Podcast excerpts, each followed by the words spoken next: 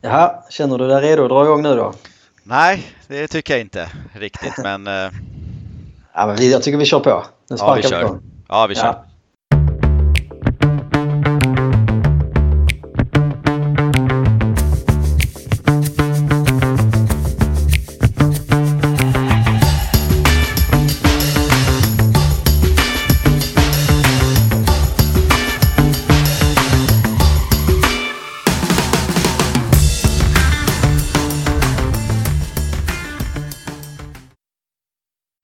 Med de funkiga tonerna så vill jag hälsa alla välkomna till det allra, allra första avsnittet av Valencia-podden.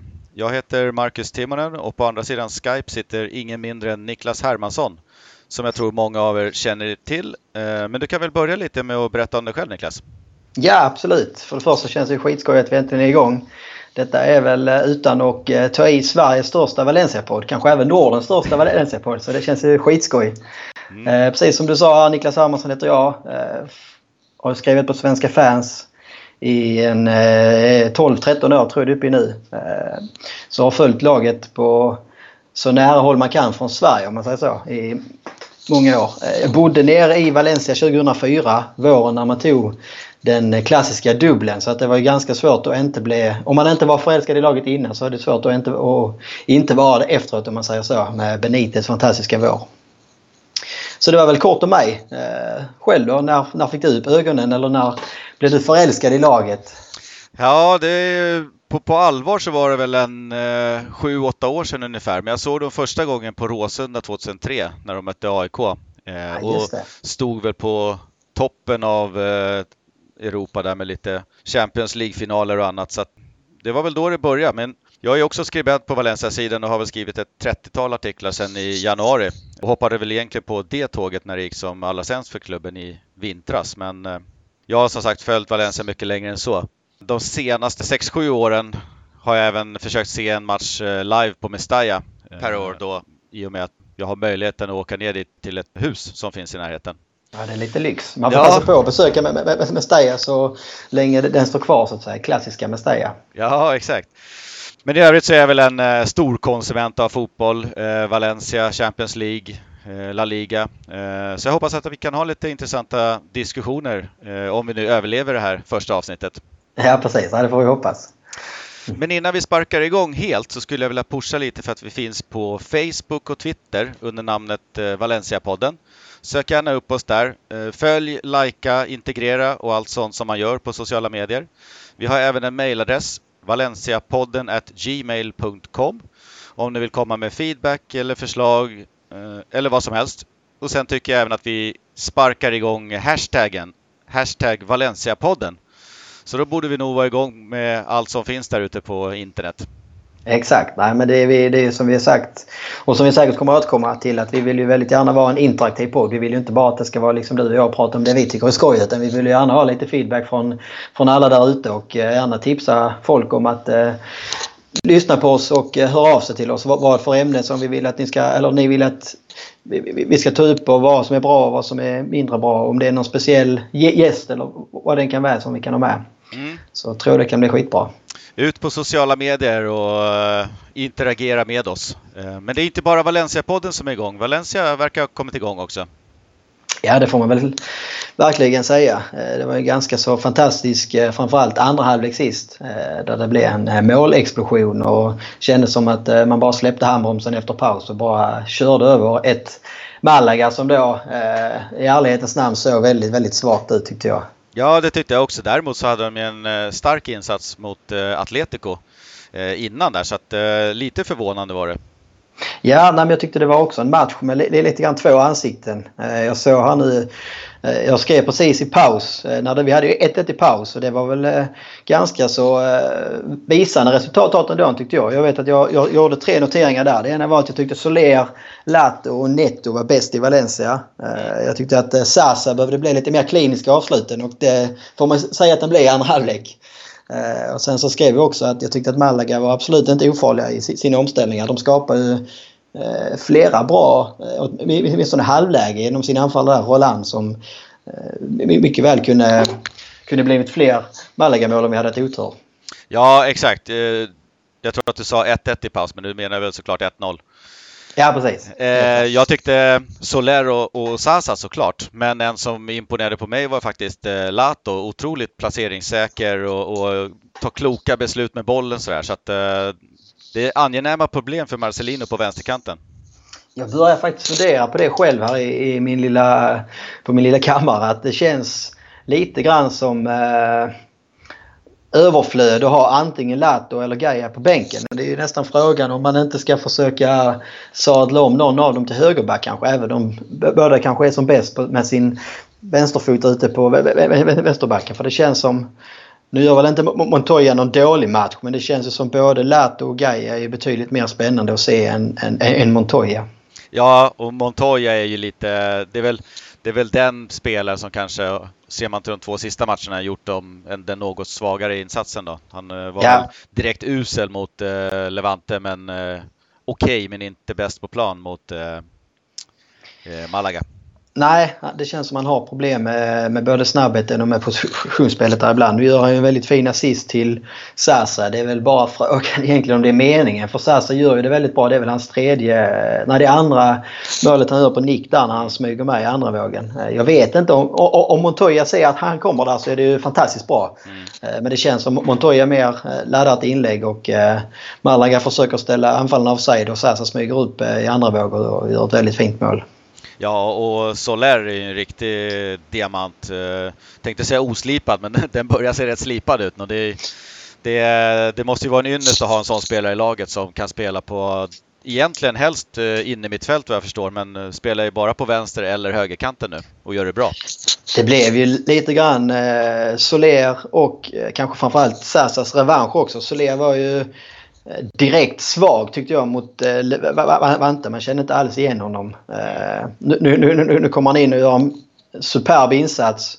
Och är väl, det är väl eh, åtminstone två assist på det. Eh, och Sasa då som vi, som vi har pratat om och som du har skrivit om också. Det blir ju välja skriverier här när han blev bänkad i derbyt. Eh, var inte med på uppvärmningen inför avspark då eh, och hade väl suttit på bänken och surat och sen så gick hans tjej ut och skrev någonting olämpligt på, på Instagram. Så det kändes ju det kändes väldigt olyckligt inför eh, Malaga-matchen med, med just eh, Sasa. För det känns som det är, det är en perfekt karaktär och en, en anfallare som, som verkligen kan, kan få islossning om man bara får till det. Eh, så det var ju lite nervöst nu hur han skulle reagera på allt som hade varit om man säger så. Men, eh, ja, det man blev ju på bästa sätt. Ja, det får man säga. Det är väl precis så som man ska, eh, som man ska reagera när det händer något sånt. Att eh, prata på planen och inte utanför. Nej, och han är väl en liten sån eh, vattendelare. Antingen så gillar man eh, Sasa eller så har man lite eh, svårt för han. Men eh, får man lite kritik som han fick tidigare i veckan så, så visar det ändå ganska stark karaktär. Man kliver in och stänker dit en, eh, ett hattrick liksom som, som svar på tal. Ja, nej men det är ju, alltså både för sin egen del så såg jag också här någon artikel i spansk eh, media att det var ju Sasas eh, bästa säsongstart någonsin. Han har inte startat eh, så här bra varken i Juventus eller Sassuolo där han har gjort det ändå bra innan om man säger. Att han inte gjorde det lika bra i Premier League var väl en sak men eh, eh så han har gjort fyra mål här på fem första omgångarna så det känns väldigt spännande. Ja, tvåa i skytteligan bakom Messi, bara en sån sak. Men eh, nu har det bara gått fem omgångar så vi får väl vänta och se. Ja, nej, det är lite så. Sen det, det jag också bara skulle vilja eh, lyfta fram här det var att jag tyckte det var väldigt bra coachat. Dels så gör han bra rotationer eh, inför. Man ser liksom här att de som inte... De, de spelarna som man kanske tyckte var tveksamma att de, de skulle startat i, i derbyt, de får starta nu och ser väldigt pigga ut som Sasa då exempelvis. Eh, och även som jag tyckte då Kondogbia och Parejo de såg hyfsat trötta ut. Eh, då kommer det tidiga byten på dem. Man får in pigga spelare och istället så är de fräscha till helgen. Så jag tycker det var hatten av för Marcelinos eh, coaching. Ja, vi, precis. Vi får se i helgen här hur, eh, hur det artar sig. Det är väl då det ska bära frukt, den här rotationen och de tidiga, tidiga bytena på nyckelspelarna. Exakt. Så vi får se nej, om precis. det kanske kan synas lite piggare ben till helgen då. Ja, nej, men det blev ju, det blev ju väldigt bra eh, andra halvlek när vi gjorde tre snabba mål och det var ju, det var ju stängt, eh, stängt då så att säga. Så att då är det ju bra läge att vila lite halvtrötta spelare.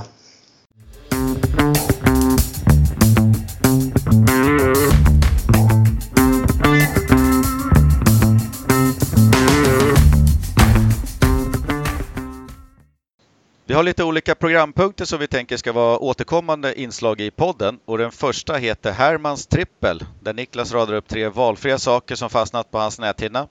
Gammalt som nytt och det behöver nödvändigtvis inte vara varken en topplista eller bottenlista men tre saker ska upp på bordet så vi kör väl igång med nummer ett. Ja, det gör vi. Eh, idag så är det väl en, eh, en trippel utan någon direkt eh, topp eller botten och utan inbördes ordning om man säger så.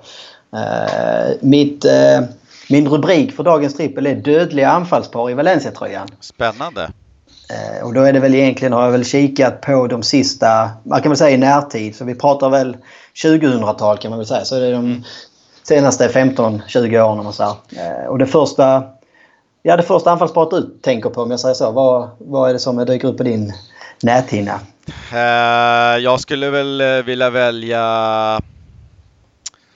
Ah, vi tar en hyfsat närtid. Soldado och Jonas. De stängde in ett antal baljer.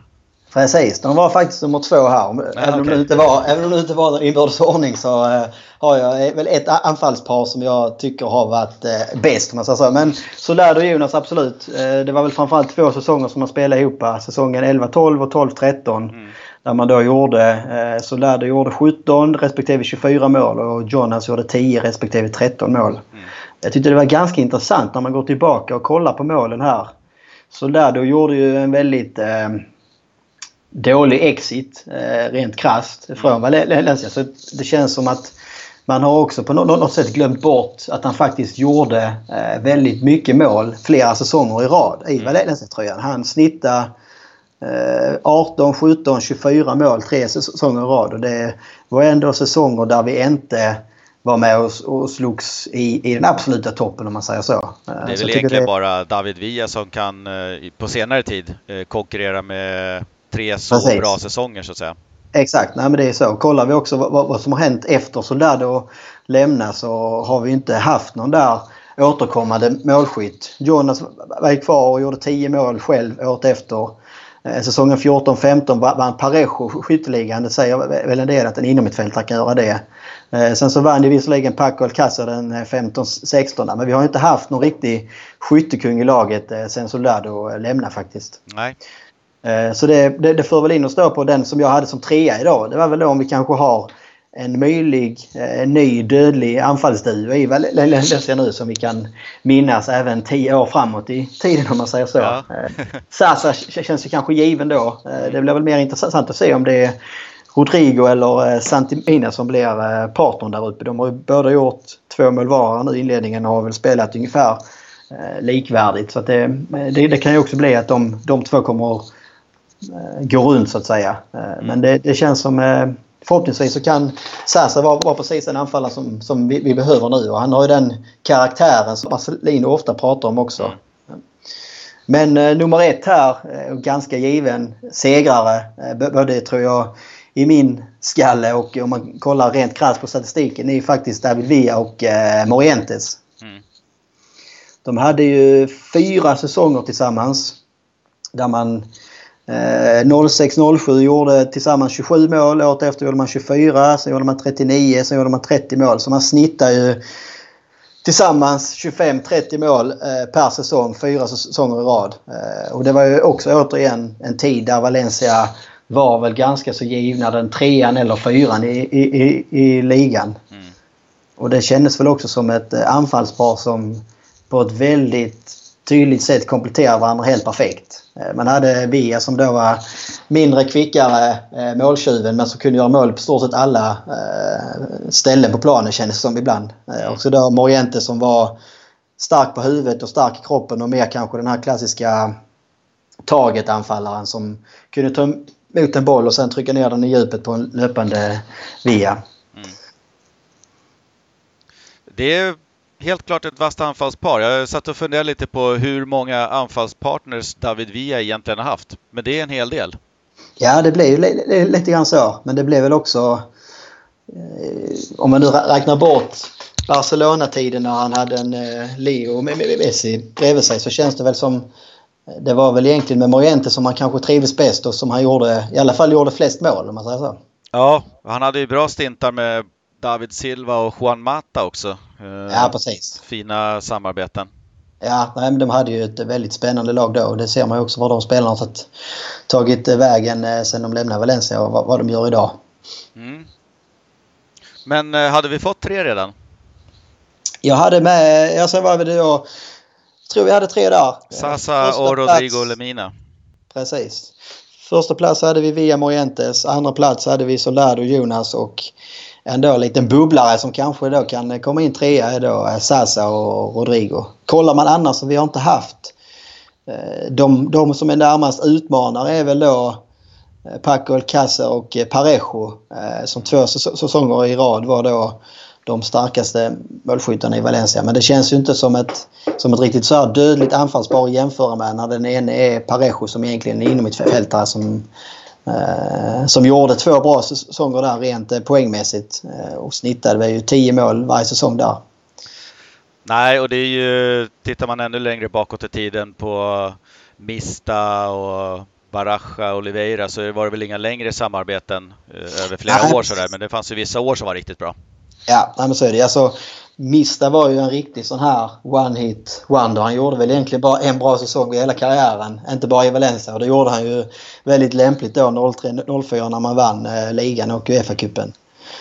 Eh, och det är väl också intressant om man kollar man på, som vi snackat här om, eh, Via Morientes. De, de gjorde eh, 28 och 11 mål och 21 och 12 och så här. Och även Soldado och Jonas som snittar kanske då omkring 30 mål tillsammans. Så kikar vi på förra säsongen då. Bäste målskytt Santimina, Monir och Sasa på var sex mål. Så man kommer upp i 18 mål totalt på tre stycken anfallare. Eh, det säger ju en hel del om varför det gick som det gjorde i fjol också kanske. Ja, då ditt anfallspar nummer tre där har väl eh, börjat fantastiskt bra med Sasa på fyra. Vad har vi? Santimina på två och ja. Rodrigo på ett, ett kanske? Tänker Precis. Nej, jag tror det är ett eller två. Och det är väl också, det är väl, kollar man de här sex, eller de här tre sexmålsskyttarna i fjol så var det väl den enda som egentligen är helt okej. Det är väl Sasa som kommer in efter halva säsongen och gör sex mål på våren där i ett, i ett lag som inte alls är i balans. Eh, och nu har han redan gjort fyra här på fem omgångar så det känns som eh, kan man få lite ketchup-effekt på honom så finns det nog en hel del eh, mål i den italienska kroppen. Ja, och jag förde ett resonemang i senvåren Eh, kring eh, Sasas eh, målfabrikation. Jag tyckte ändå att sex mål på det, de matcherna han hade fått i ett krisande Valencia egentligen som låg i ingenmansland på slutet. Så ändå okej, okay. det är inte bra och det är inte så att man liksom får fjärilar i magen så, utan, men, men det är ändå okej okay, sex mål och nu har ni börjat med fyra redan nu så att det kan bli bra. Ja precis, nej men det var väl den feedbacken som man fick när man började prata med en del eh, West Ham-fans när han då kom i vintras. Det var ju att äh, han har en enorm arbetskapacitet men, men han kan inte göra mål. Det spelar ingen roll eh, om de så skjuter han i huvudet och han står i Bölmröd. Han kan inte göra mål. Mm. Och det var väl lite så, även om han gjorde sex mål och det var helt okej i våras, så kände, var väl ändå så det kändes att han, han, han var ju inte den här kliniska anfallaren som så fort han hade bollen i boxen så sa det pang. Men nu här inledningen av den här säsongen så är det en helt annan. Man ser ju också att han har helt annat självförtroende. Det har han själv också sagt i olika intervjuer att han, han har hittat tillbaka till sig själv i Valencia efter att ha haft en tuff tid i eh, först Juventus och sen hade han då eh, en tuff tid efter, eh, efter EM här med den här straffen som har blivit viral. Och, ja. Han har ju själv också gått ut och sagt att det har liksom tagit hårt på honom och bli gjort ett sånt åtlöje i stort sett som, som det blev med den här trippande straffen. Mm. Och trivdes inte alls i England eller trivdes men han kom, kom liksom aldrig till sin rätt där. Eh, och det är väl nu som han liksom då hittat, hittat hem igen och förhoppningsvis då kan vi få, få ut eh, max av honom i Valencia. Och det, det, det är precis det man behöver om vi ska kunna kriga om en topp 4-placering eh, så behöver du ha en spelare som producerar åtminstone en 15 mål. Mm. Så är det och jag hade en eh, en liten tanke där när jag kollar på David Villas eh, alla anfallskumpaner. Det hade ju varit lite spännande att se David Villa få några säsonger till med en eh, Pablo Aymar i form. Ja, ja absolut. Det var ju lite synd där när Villa väl kom till Valencia så var vi Aymar på väg åt andra hållet och hade mycket problem med skador. Det var väl egentligen samma med Vicent om man säger så. Hade han fått vara skadefri där de första säsongerna med, med Via så hade det kunnat bli en eh, spännande anfallsuppsättning där med Vicente, Via, Silva, Mata, Aymar, Joaquin. Eh, det är ganska många alternativ i offensiven där. Det låter ju helt galet. Ja, lite så. Ja, men då syr vi ihop det där då. David Ja, Villa jag. Morientes, Soldado, Jonas, eh, Sasa och vi får väl säga Santemina då eftersom han eh, har gjort eh, det bra hittills då. Ja, nej, det köper jag rakt av.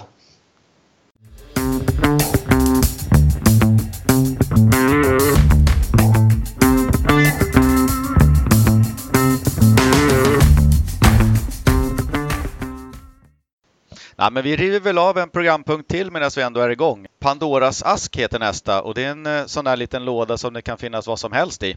Vi hade tänkt att vi skulle försöka öppna den här asken en gång i veckan och, och titta vad som kan ligga där i. Och jag lyfter på locket, trumvirvel. Eh, det är ingen liten låda det här. Det, där i ligger eh, Valencias tränare Marcelino eh, som hoppade in i Oj, oj. augusti, juni, juli i somras. Men vi drar väl igång då. Vad gör Marcelino annorlunda mot de andra tränarna som passerat i revy de senaste åren? Ja, det kan man fråga sig. De flesta tränarna som varit i Valencia de senaste fem säsongerna, eh, det är väl undantaget Nuno då, har väl nästan fått eh, ramsor om sin avgång efter fyra, fem omgångar. Så att eh, någonting, eh, någonting gör han annorlunda och någonting gör han ju bra. Eh, självklart så resultatet är ju det det handlar om. Eh, det, det, det, det kan man väl börja med där. Eh, man har fått eh, en superbra start på, på ligan. Eh, man har fått två segrar, tre kryss och då har det ändå varit en ganska så tuff inledning med både Real Madrid och Atletico. Eh, men jag tror att hela, hela sommaren på något sätt och hela Marcelinos intåg och sättet som han liksom tagit sig an det här är väl det som har givit eh, framförallt fansen, men jag tror även Peter Lim och andra i klubben har känt att det är en helt annan struktur och en helt annan stabilitet omkring honom. Han, han vill ju komma in och han var väldigt tydlig med sina krav för att ta över Valencia överhuvudtaget från början. Det var ju att han, han, han skulle få bygga sitt lag. Eh, han skulle få göra de förändringarna som han tyckte var nödvändiga.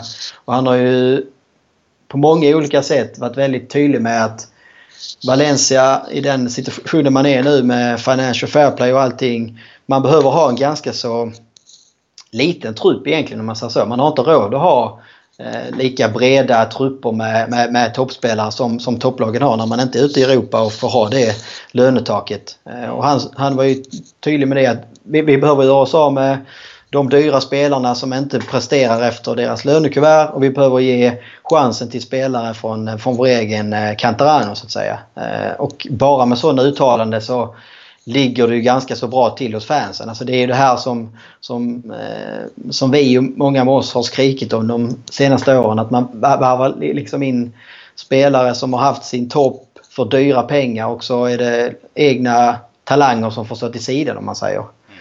Eh, och sen så har han ju kommit in och förstått var man ska börja i ett krisande skepp och det är väl hitta en struktur och få till en defensiv som fungerar. Eh, vi har hållit nollan i tre tre hemmamatcher här eh, inledningen på Mestalla. Och senast det hände var säsongen 01-02 med Benitez. Ja, det gick, vet vi hur det gick. Precis. Eh, sen kanske man inte ska dra det så långt men det är ju det är på något sätt tydligt att eh, defensiven, strukturen och eh, karaktären på något sätt. Det är det som eh, jag tycker har varit eh, Marcelinos största intryck här i inledningen. Att han, och han är inte rädd heller för att Eh, peta spelare. Eller, eh, han liksom, det är han som är en väldigt uppenbar sheriff och det är han som bestämmer. Det är, det är hans, hans sätt eller så är det, behöver man inte spela i Valencia. Det blir tydligt här med Sasa. Eh, han, han roterades i derbyt. Surade för det. Fick sig ett par ganska så tuffa ord av Marcelino på presskonferensen efter derbyt att eh, han, han var väldigt, eh, det han hade sett av Minas insats och det han hade sett av Sasas beteende så var han helt övertygad om att det var rätt beslut att ha Sasa på bänken. Ja, man kan väl lägga till det han såg av Sasa mot Malaga så understryker vi väl ännu mer det där. valet. Exakt, ja. ja. Nej, men det, han har ju kommit in och eh, ja, men varit, han, har gjort, han har gjort allting väldigt bra än så länge. Det är väl en, en eh, kort sagt summering av hans tid i Valencia. Och, eh, Jag tycker också det här eh, delaktigheten i värvningarna. Det känns som att han verkligen har, har pekat ut ett par spelare att de, de här går vi för nu. Eh, Guedes, Murillo och Kondogbia kanske som de bästa exemplen och fått med sig då ledningen att ah, men då satsar vi på dem och, och det tror jag är jätteviktigt för spelarna som kommer in och känna också att tränaren, han ville ha, ha hit mig. Nu är jag här liksom. Eh, på så sätt så tror jag att han har fått med sig hela truppen och det känns som alla spelare köpt in på hans idéer även om eh, allting såklart fortfarande är i sin linda. Han har ju satt lite grundramar men eh, det är ju, all, alla taktiker är ju dynamiska. Jo men så är det ju. Det är ju alltså nästan de flesta av de här mer namnstarka nyförvärven som kommit in på lån i stort sett uteslutande har allihopa sagt att ah, men den största anledningen till att jag kommer till Valencia nu det är Marcelino och det var han som övertalade mig. Eh, Danny Parejo gick ut och sa precis samma sak att inför eh, sommaren så var han ganska så eh, klar över att ah, nej, han skulle nog lämna Valencia. Att han, han var liksom trött på röran och att han var trött på liksom, eh, allt som hade varit i Valencia. Att det var mycket, mycket tomma ord och ingenting hände. Och det som fick, fick honom att ändra sig det var Marcelino. Och jag menar bara sådana saker säger ju en hel del om dels vilken människa han är men också vilken tränare och tydlighet som han har. Och vilken tro som han liksom kan inge hos spelarna. För det, det, är ju alltså det, är det det handlar om på något sätt. Att tränaren ska kunna förvalta sina tankar och idéer till spelarna. Om inte spelaren tror på tränaren så kommer man inte eh, då, då kommer man gå ut på planen och så kommer det vara 11 olika tankar oavsett vad tränaren har sagt innan. Om inte spelarna köper det så kommer man inte eh, spela så på planen heller. Och han har ju, det är väl den tydligheten i ledarskapet på något sätt. Ja, precis. Och han, han är ju lite inne och petar i varenda detalj känner jag med allt från träningar till värvningar, hur saker sköts och verkar ha lite militärisk eh, disciplin på det mesta. Ja, det är det som är intressant. Alltså det, det, jag tycker man ser det inledningsvis också att fysiken på Valencia i år är ju en helt annan än vi sett de senaste, framförallt två åren kanske. Eh, det är ju ett Valencia som orkar Eh, köra på i en hel match. Det är liksom inte att man eh, har fullpress första kvarten, sen dör man och har man inte avgjort matchen då så blir det liksom jobbigt att orka i en hel match. Och eh, det är även att han har slängt in allt ifrån eh, olika kostscheman och sånt här på spelarna. Han är väldigt professionell ut i fingerspetsarna eh, och lämnar inget åt slumpen. Och det är, han är på något, något, något, sätt så är han ju egentligen en jävligt enkel tränare. För att han är, det är liksom ingen eh, det är inget så här krångligt recept eller några hemliga ingredienser utan han är, det är ett klassiskt 4-4-2. Det handlar om att ha en struktur i laget, det handlar om att arbeta hårt, ha en bra fysik, eh, börja med att släppa in få mål bakåt. Ja. ja. Och han har ju fått fansen med sig också, det är inte att förakta. Men taktikmässigt så, man har väl inte sett allt han har eh, planterat än, men jag tycker det är fascinerande att se hur han liksom försöker kväva motståndarna när de har boll hela tiden och trycka ut dem på kanterna, minimera alla ytor och sen så fort de erövrar bollen, det tyckte jag man såg mot Levante och Malaga. På något sätt så kommer det alltid en, en djupledsboll, men det är ingen, inte alltid en långboll. Men det är många bollar som eh, snabbt slås i djupled. Ja, nej, jag, jag håller med. Alltså, det är ju det här Alltså, när man har haft en tung period som lag och det är många spelare som har varit med här två år och liksom känt att man har underpresterat mot det materialet som man har haft så handlar det om att hitta grunderna till att börja med. Hitta ett självförtroende i truppen och då är det oftast det absolut simplaste det är att börja spela enkelt och sen jobba därifrån. Ehm, och det är väl också...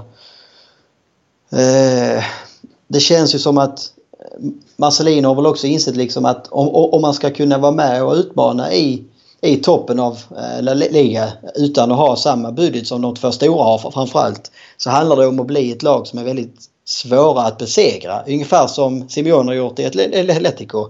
Det är inte det att de vinner varje match men de är, det är väldigt få förluster. Uh, gå in till en match liksom och börja med okej okay, vi har ett kryss från början.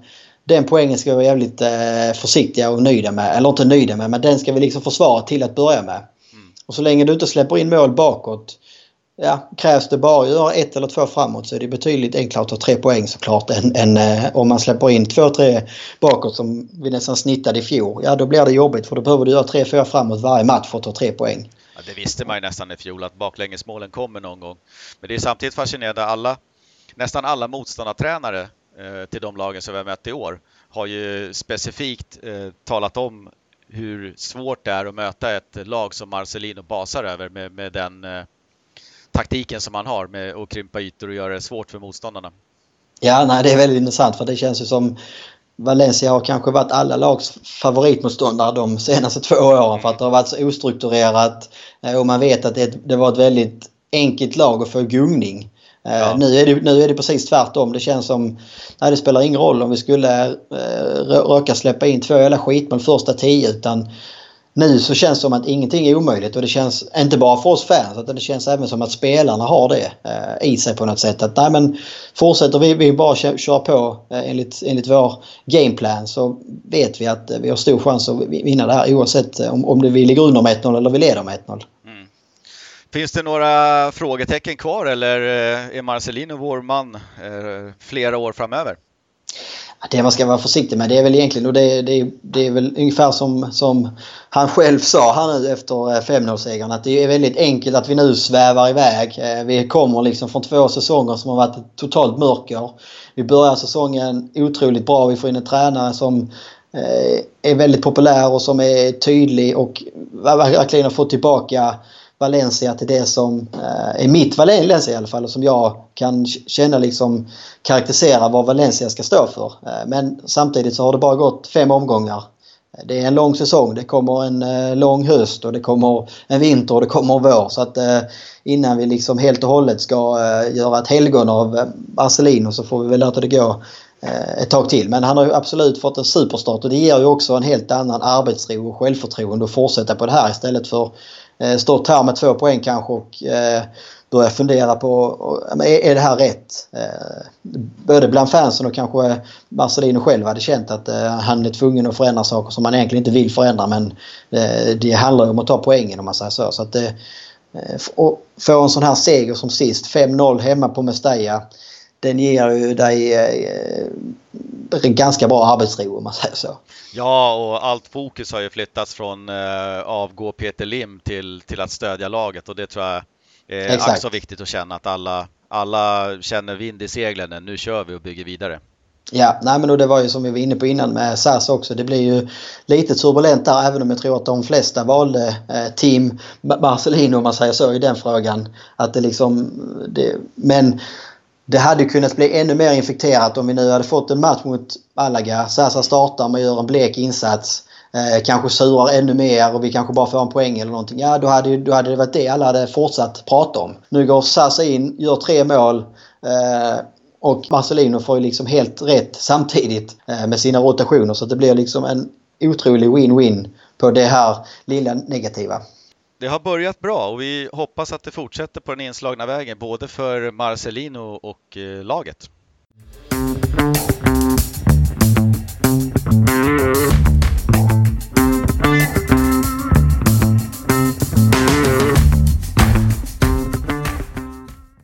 Men då så, då har vi en ny match redan i helgen. På söndag kväll smäller det uppe i Baskien. Real Sociedad borta. Vad tror vi om den matchen? Ja, det är tajt med tajt spelschema nu. Tre, tre stycken eh, tuffa omgångar här på en eh, vecka för Valencia. Eh, det är alltid tufft att komma till Anoeta och spela uppe i Baskien. Eh, det, det, är nog alla fullt medvetna om. Eh, Sociedad har ju också fått, precis som Valencia, en, en flygande start. Man har nio poäng på fyra omgångar. Man spelar mot Levante här nu i, precis som vi spelar in. Mm. det står väl 0-0 efter en halvtimme drygt. Så vi får Jajamän. hoppas att våra, våra Valencia-bröder kan ge dem en riktigt tuff match så att man kommer lite halvtrött till helgen. Ja, det kanske inte är högst på, på deras agenda att hjälpa oss, men vi, vi hoppas att de tar en seger i alla fall. Det är väl, det är väl jag som sitter lite sådär eh, halvt egentligen håller på Vante men eh, samtidigt tänker på mitt eh, cykelvad till eh, Valencia. Eh, jag var ju dumdristig eh, men eh, samtidigt så står jag det för fortfarande. Men inför säsongen så sa jag ju att om Levante hamnar ovanför Valencia i tabellen i maj mm. så ska jag cykla från Sverige till Valencia. Och, eh, jag får väl säga att jag är ganska överraskad av Levante start. Eh, krysset på Bernabéu mot Real Madrid till exempel var väldigt imponerande. Så det känns som att eh, gör Valencia en, en floppsäsong som i fjol så eh, kan det bli att eh, cykla en bit i sommar. jag tror att du ska slippa cykla men eh, det är nog lika bra att börja träna lite ändå. Ja, det är väl, ja precis, det är väl inte fel. Men eh, idag hoppas jag att eh, inte kan störa Sociedad eller i alla fall ge dem en match i 94 minuter så att vi får ett Sociedad som, som då dessutom får två dagar mindre återhämtning än Valencia inför helgen. Ja.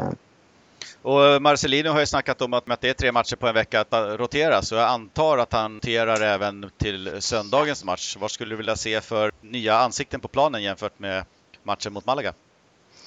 Det, det jag tror vi kommer få se här nu på söndag det är väl egentligen Marcelinos eh, första elva om det nu finns en sån. Mm. Det känns som att eh, de rotationerna som han, han gjorde var mer med tanke på den här matchen på söndag. Som, vi har ju Sociedad som mest troligt kommer vara en direkt konkurrent i eh, kampen om Europaplatserna. Mm. Eh, Malaga och Levante utan att eh, inte respektera dem så ska väl de vara lag som håller till en bit ifrån den ser förhoppningsvis i år. Mm. Och det är väl också där som Marcelino kanske har känt att han kan rotera runt. Eh, nu kommer vi till helgen och vi har roterat runt ganska bra så det känns som att han kommer att kunna välja i stort sett fritt. Eh, som jag sa innan så kändes Kondogbia och Parejo något trötta. Men nu spelar de bara en 60 minuter ungefär eller någonting i, i tisdag så att de borde vara helt eh, fit for fight. Det intressantaste att se tycker jag det blir väl egentligen hur han väljer att formera sitt mittbackspar. Mm. Där har vi nu tre stycken som jag tycker har gjort det bra alla tre. Eh, Gabriel som var tillbaka i startelvan nu eh, är ju väldigt lugn och bollsäker. Samtidigt som det ibland känns som att det kanske är Garay som är den här lilla ledaren. Det var en del missförstånd ibland. Sen kan det ju vara också att Mori och Gabriel inte spelat ihop så mycket. Men det, det, det ska bli intressant att se om han nu eh, väljer liksom att, att toppa laget i helgen. Vem, vem, vem startar han då med som mittbackar när han har alla tre friska? Ja, och jag, när man eh, lyssnar på presskonferensen efter och, och de intervjuer som Marcelino gav så tyckte jag att han eh, gav en spelare som Guedes eh, väldigt höga betyg och, och pratade om att han kan bidra både på mittfältet och, och även i anfallet och han hade ju en riktigt fin framspelning till Parejo som sedermera passade bakbollen och, och Sasa satte en av målen, eh, ett av målen. Så att, eh, jag kanske tror att Guedes får en chans eh, på en kant. Ja, nej, jag håller med. Alltså, jag tyckte Guedes var lite tveksam efter hans första halvlek. Det kändes som att han nästan överarbetade. Men i andra halvlek, eh, framförallt på slutet, så tyckte jag han var kanske den, eh, den Valencia-spelaren som stack ut mest. Han hade någon otrolig löpning från eget straffområde. Där han eh, nästan kan springa igenom helt själv men spelar ut till Rodrigo tror jag som sen försöker hitta in till, till Mina.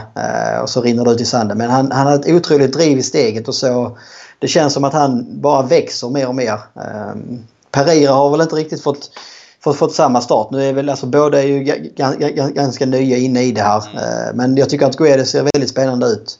Ja, och han, vad jag förstår så har han inte så mycket matcher under bältet överhuvudtaget på senaste tiden. Så att han kan ju behöva matchas in och komma in i matchtempo och rätt bolltouch och sånt där. Så att uh, det kan nog bara bli bättre. Ja, han borde ju ha ett grymt eh, revanschsug här liksom. Och visa att han håller på den, denna nivån efter att inte fått så mycket speltid i PSG. Eh, kommer nu ändå till ett Valencia som förhoppningsvis då, då ska kunna kampera på över halvan i, i, i liga som är en bra liga. Eh, så där är, där är en del spännande val som eh, Marcelino står inför. Men det känns också som val som är liksom lite lyxproblem. Det, det, det, det är inte ofta vi har haft det så här de senaste åren där liksom det känns som att det är två på positioner som båda kommer kunna göra det väldigt bra men där är tvungen att det har nästan varit tvärtom. Att ja, fan, vi är tvungna att spela med både han och han för vi har ingen annan. Nej. Eh, det är liksom lite mer angenäma problem i år om man säger så. På många positioner. Inte bara på, på eh, mittbacken eller på yttrarna utan även i anfallet som vi sa innan. Eh, nu tror jag ju att det, det kommer bli Sasa och Rodrigo som startar eftersom Mina fick eh, spela hela omgången här i tisdag så känns det som att det är hans tur att, att, att starta utanför. Ja, och det föranleder oss eh, att komma fram till eh, tipset som vi har bestämt oss för att köra och det är en scorecast som ni som tippar känner igen genom att det är ett slutresultat kombinerat med första målskytt i matchen. Och vi tänkte väl göra så att en poäng kan man få, eller en poäng får man om man har rätt tipstecken. Till exempel man tippar 1-1 och det blir 2-2, då är det rätt tipstecken. Och sen så får man en poäng för helt korrekt resultat och en poäng för eh, rätt målskytt. Så jag passar väl över till dig Niklas. Vad, vad har vi för tips? Ja, alltså det kommer ju vara, så här under säsongen att jag, jag kommer ju varje omgång och varje vecka som vi sitter och spelar in podd kommer jag ju tippa på Valencia-seger. Det, det, kan jag nästan lova redan idag. Så att, eh, jag tror inte att man ska liksom lita blind för mig och eh, ta mina tips och eh, slänga in en månadslön på Svenska Spel. Mm. Eh, men inför Sociedad borta så har jag ändå en rätt så bra känsla. Eh, jag tror att vi vinner med 2-1. Eh, jag tror det kommer bli en ganska så tight match. Eh, Valencia, om vi nu bortser från Malagas eh, defensiva ras i andra halvlek så har det inte varit sådär supermycket mål åt något håll i Valencias eh, tidigare matcher. Så 2-1 känns ändå som ett rimligt resultat. Jag tror att det är dags för Il Capitano Dani Parejo att kliva fram. Jag tror att han gör 0-1. Mm. Inte, inte helt oäven att det sker på straff faktiskt. Sasa kanske borde fått en straff här senast mot Malaga när han blir eh, neddragen av eh, målvakten. Eh, jag tror, att det, jag tror att han fixar en straff här nu istället och eh, Parejo dunkar dit 0-1 på den. Ja, jag, jag får väl kontra lite då. Ja. Jag, eh, jag tror att det stannar vid 1-1, ett kryss. Jag tror också att det är dags för Soler att stänka in en balja på något sätt. Han viker väl in på från höger eller vänster kant och klappar dit den. Det, det får bli mitt tips. Ja, det är väl inte omöjligt. han har ju vad har han, har tre ass och ett mål på de första eh, fyra omgångarna här. Så att, eh, eller fem omgångarna. Så att han har ju levererat poängmässigt. Och det är väl inte alls omöjligt att han eh, kanske går på eget avslut istället för att spela fram som han gjorde mot eh, Malaga. Ja, vi bokför de resultaten. 2-1, Parejo inledde för dig, 1-1 och Soler inledde för mig. Så håller vi lite koll på det här lite löpande i podden så får vi se vem som uh, vinner till slut. Uh, vi siktar väl på att hålla på till uh, vinteruppehållet till att börja med då. Ja, det tycker jag låter som bra. Vi får köra så att om man skulle hamna för långt bak så har man i alla fall chansen att ta igen det efter, efter jul och nyår så att man kan börja på ny kula då. Ja, exakt. Och med det så ska vi egentligen eh, tacka alla för att ha lyssnat på podden. Men innan vi säger hej då vill jag påminna igen om Facebook, Twitter, at Valenciapodden, hashtag Valenciapodden och vår mejladress valenciapodden at gmail. Eh, ta kontakt med oss, kom med förslag, feedback, interagera. Eh, vi hoppas på att spela in nästa avsnitt nästa vecka. Så tryck på följ på de plattformar som det här kommer ut på. Jag önskar att jag kunde säga att den här podden kommer finnas, som det så flott heter nu för tiden, den finns där poddar finns. Men eh, den ska finnas för svenska fans i alla fall och iTunes. Vi hoppas även på Acast eh, och det borde väl kanske räcka så. Och med det så tackar vi från oss med ett eh, hasta luego. Ja, det gör vi. Hej då och hasta la proxima.